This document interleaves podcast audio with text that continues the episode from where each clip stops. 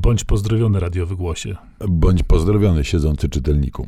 Dziś rozmawiamy o Indianach, co nam się zdarza co jakiś czas, ale pretekst mamy niezły, bo y, nowość świeżutka indiańska, przynajmniej jedna ostatnio się okazała. Tak, mamy słabość do e, Indian i tym bardziej cieszy nas najnowsza książka z serii amerykańskiej wydawnictwa Czarne, Hampton Sides, tak się nazywa autora. Książka nazywa się Krew i burza, historia z Dzikiego Zachodu i ta historia rozgrywa się w roku 1846 w przepięknej miejscowości Santa Fe, a jednym z głównych jej bohaterów, i do takich czarnych dość bohaterów, jest niejaki Kit Carson. To przedziwna e, postać, postać, która e, weszła do takiej świadomości amerykańskiej bardzo wcześnie i stała się popkulturowym bohaterem za pomocą takich groszowych powieści, które czytane były przez absolutnie wszystkich. To taki pan, co to przed śniadaniem zabijał kilku Indian i mm, z tego był e, znany. No i tu dowiadujemy się, jak było naprawdę, bo te wszystkie groszowe powieści, które na jego temat powstawały, były oczywiście w ogromnej większości zmyślone i nieprawdziwe. A, ja tu polemicznie uściśle, bo nie dzieje się ta książka tylko w Santa Fe, nie tylko Carson jest bohaterem, bo oczywiście miejsc tutaj jest mnóstwo, jako że rzecz e, rozgrywa się no, na całym zachodzie i południu Stanów Zjednoczonych. Bohaterów też jest znacznie więcej. Oczywiście Carson jest taką postacią centralną, ale kilka innych postaci się tu pojawia i zarazem poznajemy kawał, kawał historii amerykańskiej. Konkretnie chodzi oczywiście o wojnę z Meksykiem, e, o przejęcie zbrojne e, znacznej części terytorium meksykańskiego, które zostało włączone do terytoriów amerykańskich, no i, i potem o zakusy na Kalifornię czy rzeczywiście moment, kiedy Stany Zjednoczone puchną w nieprawdopodobnym tempie, a to wszystko opowiedziane z takim przygodowym wigorem, bo tu Indianie, biali, traperzy, żołnierze, Indianie, Meksykanie. dodajmy, z plemienia Navajo, bo to Navajowie są bohaterem zbiorowym tej książki. Plemię to zresztą dziś jest e, największym e, plemieniem na terenach Stanów Zjednoczonych Ameryki. Z zupełnie innej strony rzeczywistość Indian pokazuje nam inna książka, wydana już przed laty, ale myślę, że warto gdzieś ją odszukać i e, mieć u siebie, podczytywać. Medycyna indiańska. Zdzisława Jana Ryna. Jest to książka, której tytuł w sumie wiele mówi. Chodzi rzeczywiście o system przekonań dotyczących zdrowia i w ogóle konstytucji człowieka i metod leczenia wszelkiego rodzaju chorób, zarówno tych bardziej fizycznych, jak i bardziej psychicznych, pojawiający się u Indian y, jak Ameryka długa i szeroka. Więc jest to takie kompendium, które oczywiście czytać można y, wyrywkowo i po kawałeczku, natomiast myślę, że ogromną siłą tej książki jest to, że pokazuje rzeczywistość indiańską z innej perspektywy, nie te gonitwy, walki, wojny, y, pościgi, polowanie na bizony, tylko pewna istotna część wiedzy Indian dotyczących właśnie zdrowia i, i, i człowieka jako takiego.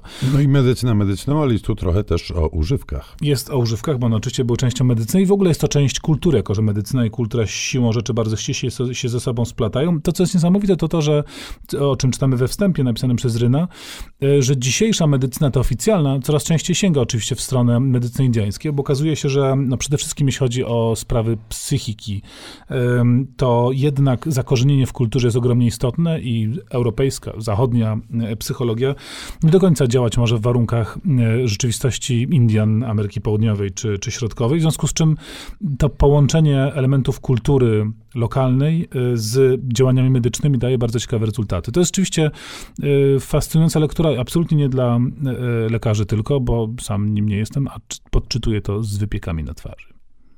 A po przerwie wrócimy do innych indiańskich opowieści.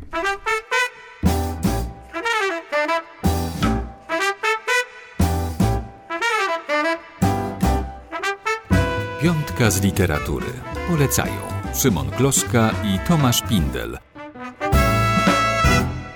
Rozmawiamy o Indianach, bo nie ma to jak indiańska literatura, zwłaszcza jesienią. Niedawno ukazał się nakładem wydawnictwa Wiatr od Morza debiut Michaela Krameya. Ten debiut to Rzeka Złodziei.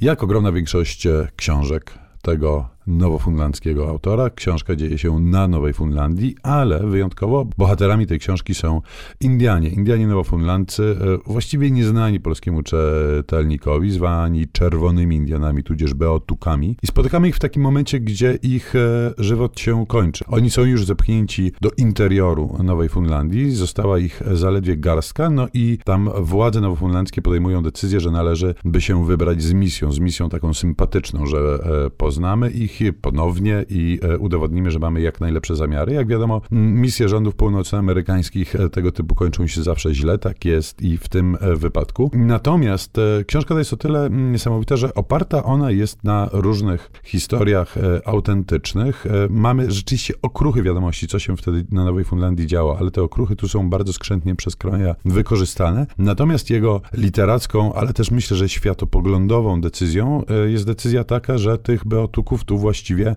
nie ma. To jest książka o Indianach bez Indian.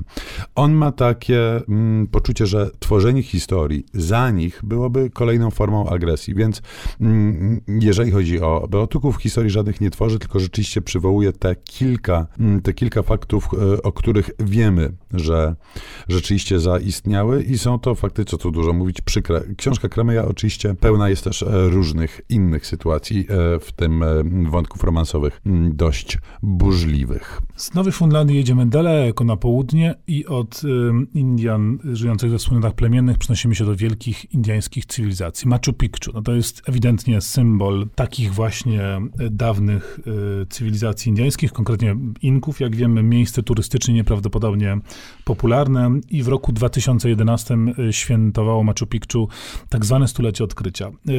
Temu odkryciu, tudzież właśnie dyskusji poświęconej temu, czy to odkrycie rzeczywiście było i co to właściwie wszystko oznacza, poświęcona jest y, wydana parę lat temu y, książeczka pod tytułem Machu Picchu między archeologią i polityką Marty Kani w serii studiów latinoamerykańskich w wydawnictwie Universitas.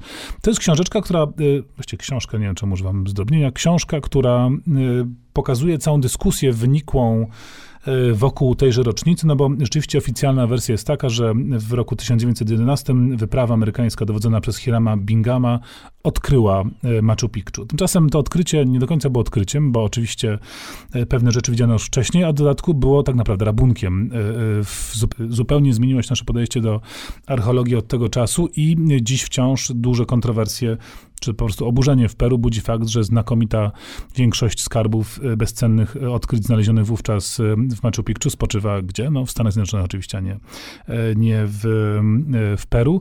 To książka, która bardzo ciekawie pokazuje, że nawet ruiny starożytnych indiańskich cywilizacji są tak naprawdę częścią naszej współczesności, budzą ogromne emocje narodowe, kulturowe i naukowe. Ja hoduję takiej teorii, że Indianie, czy w to wierzymy, czy nie, są wśród nas, bo to nie jest kwestia krwi, tylko tak naprawdę stanu e, umysłu. E, ja stałem się Indianinem bardzo dawno temu, czytając książki różnych autorów literatury młodzieżowej Ale przede wszystkim. Pióra już ci powypadały. Powypadały pióra. Przede wszystkim polskich, jak Jan Szczepański, Wiesław Wernic czy Arkady Filler, one dziś są e, mniej chętnie przez młodzież czytane, mam wrażenie. Konkurencja im urosła dość pokaźna, dlatego też e, przyszło mi do głowy, że można by zainfekować polskiego czytelnika indiańską mitologią i indiańskością w ogóle znacznie wcześniej. A to za pomocą mm, dwóch europejskich, ale jednak Indian, jakby nie patrzeć. Brian Patten, długowłosy poeta, znany zresztą w Polsce wyśmienicie e, z wysp. Jego polski tłumacz Piotr Zomer, który Indianinem też jest ponad wszelką wątpliwość. Wspólnym dziełem obu panów jest e, książka dla dzieci właśnie, e, Skaczący myszka. To historia indiańska opowiadana wielokrotnie przez wielu zresztą e, autorów, która niesie sobą takie bardzo ważne, holistyczne, animistyczne e, przesłanie, chciałoby się powiedzieć, pokazujące jedność natury jako takiej. Dość powiedzieć, że główny bohater tej książeczki, a więc malutki ssaczek, staje się pod koniec tej opowieści orłem, przepotwarza się przez tego orła, co europejska dusza odczytaby jednoznacznie właśnie jako akt konsumpcji tak naprawdę i koniec żywota głównego bohatera, natomiast dusza indiańska ponad wszelką wątpliwość zinterpretowałaby to zgoła inaczej, jako przepotwarzenie się myszki w orła właśnie. Hmm, brzmi rzeczywiście nieźle. Nasączajmy zatem skorupki za młodą indyjskością, by na starość bizonem trąciły. Hołg. Szymon Kloska. Tomasz Pindel.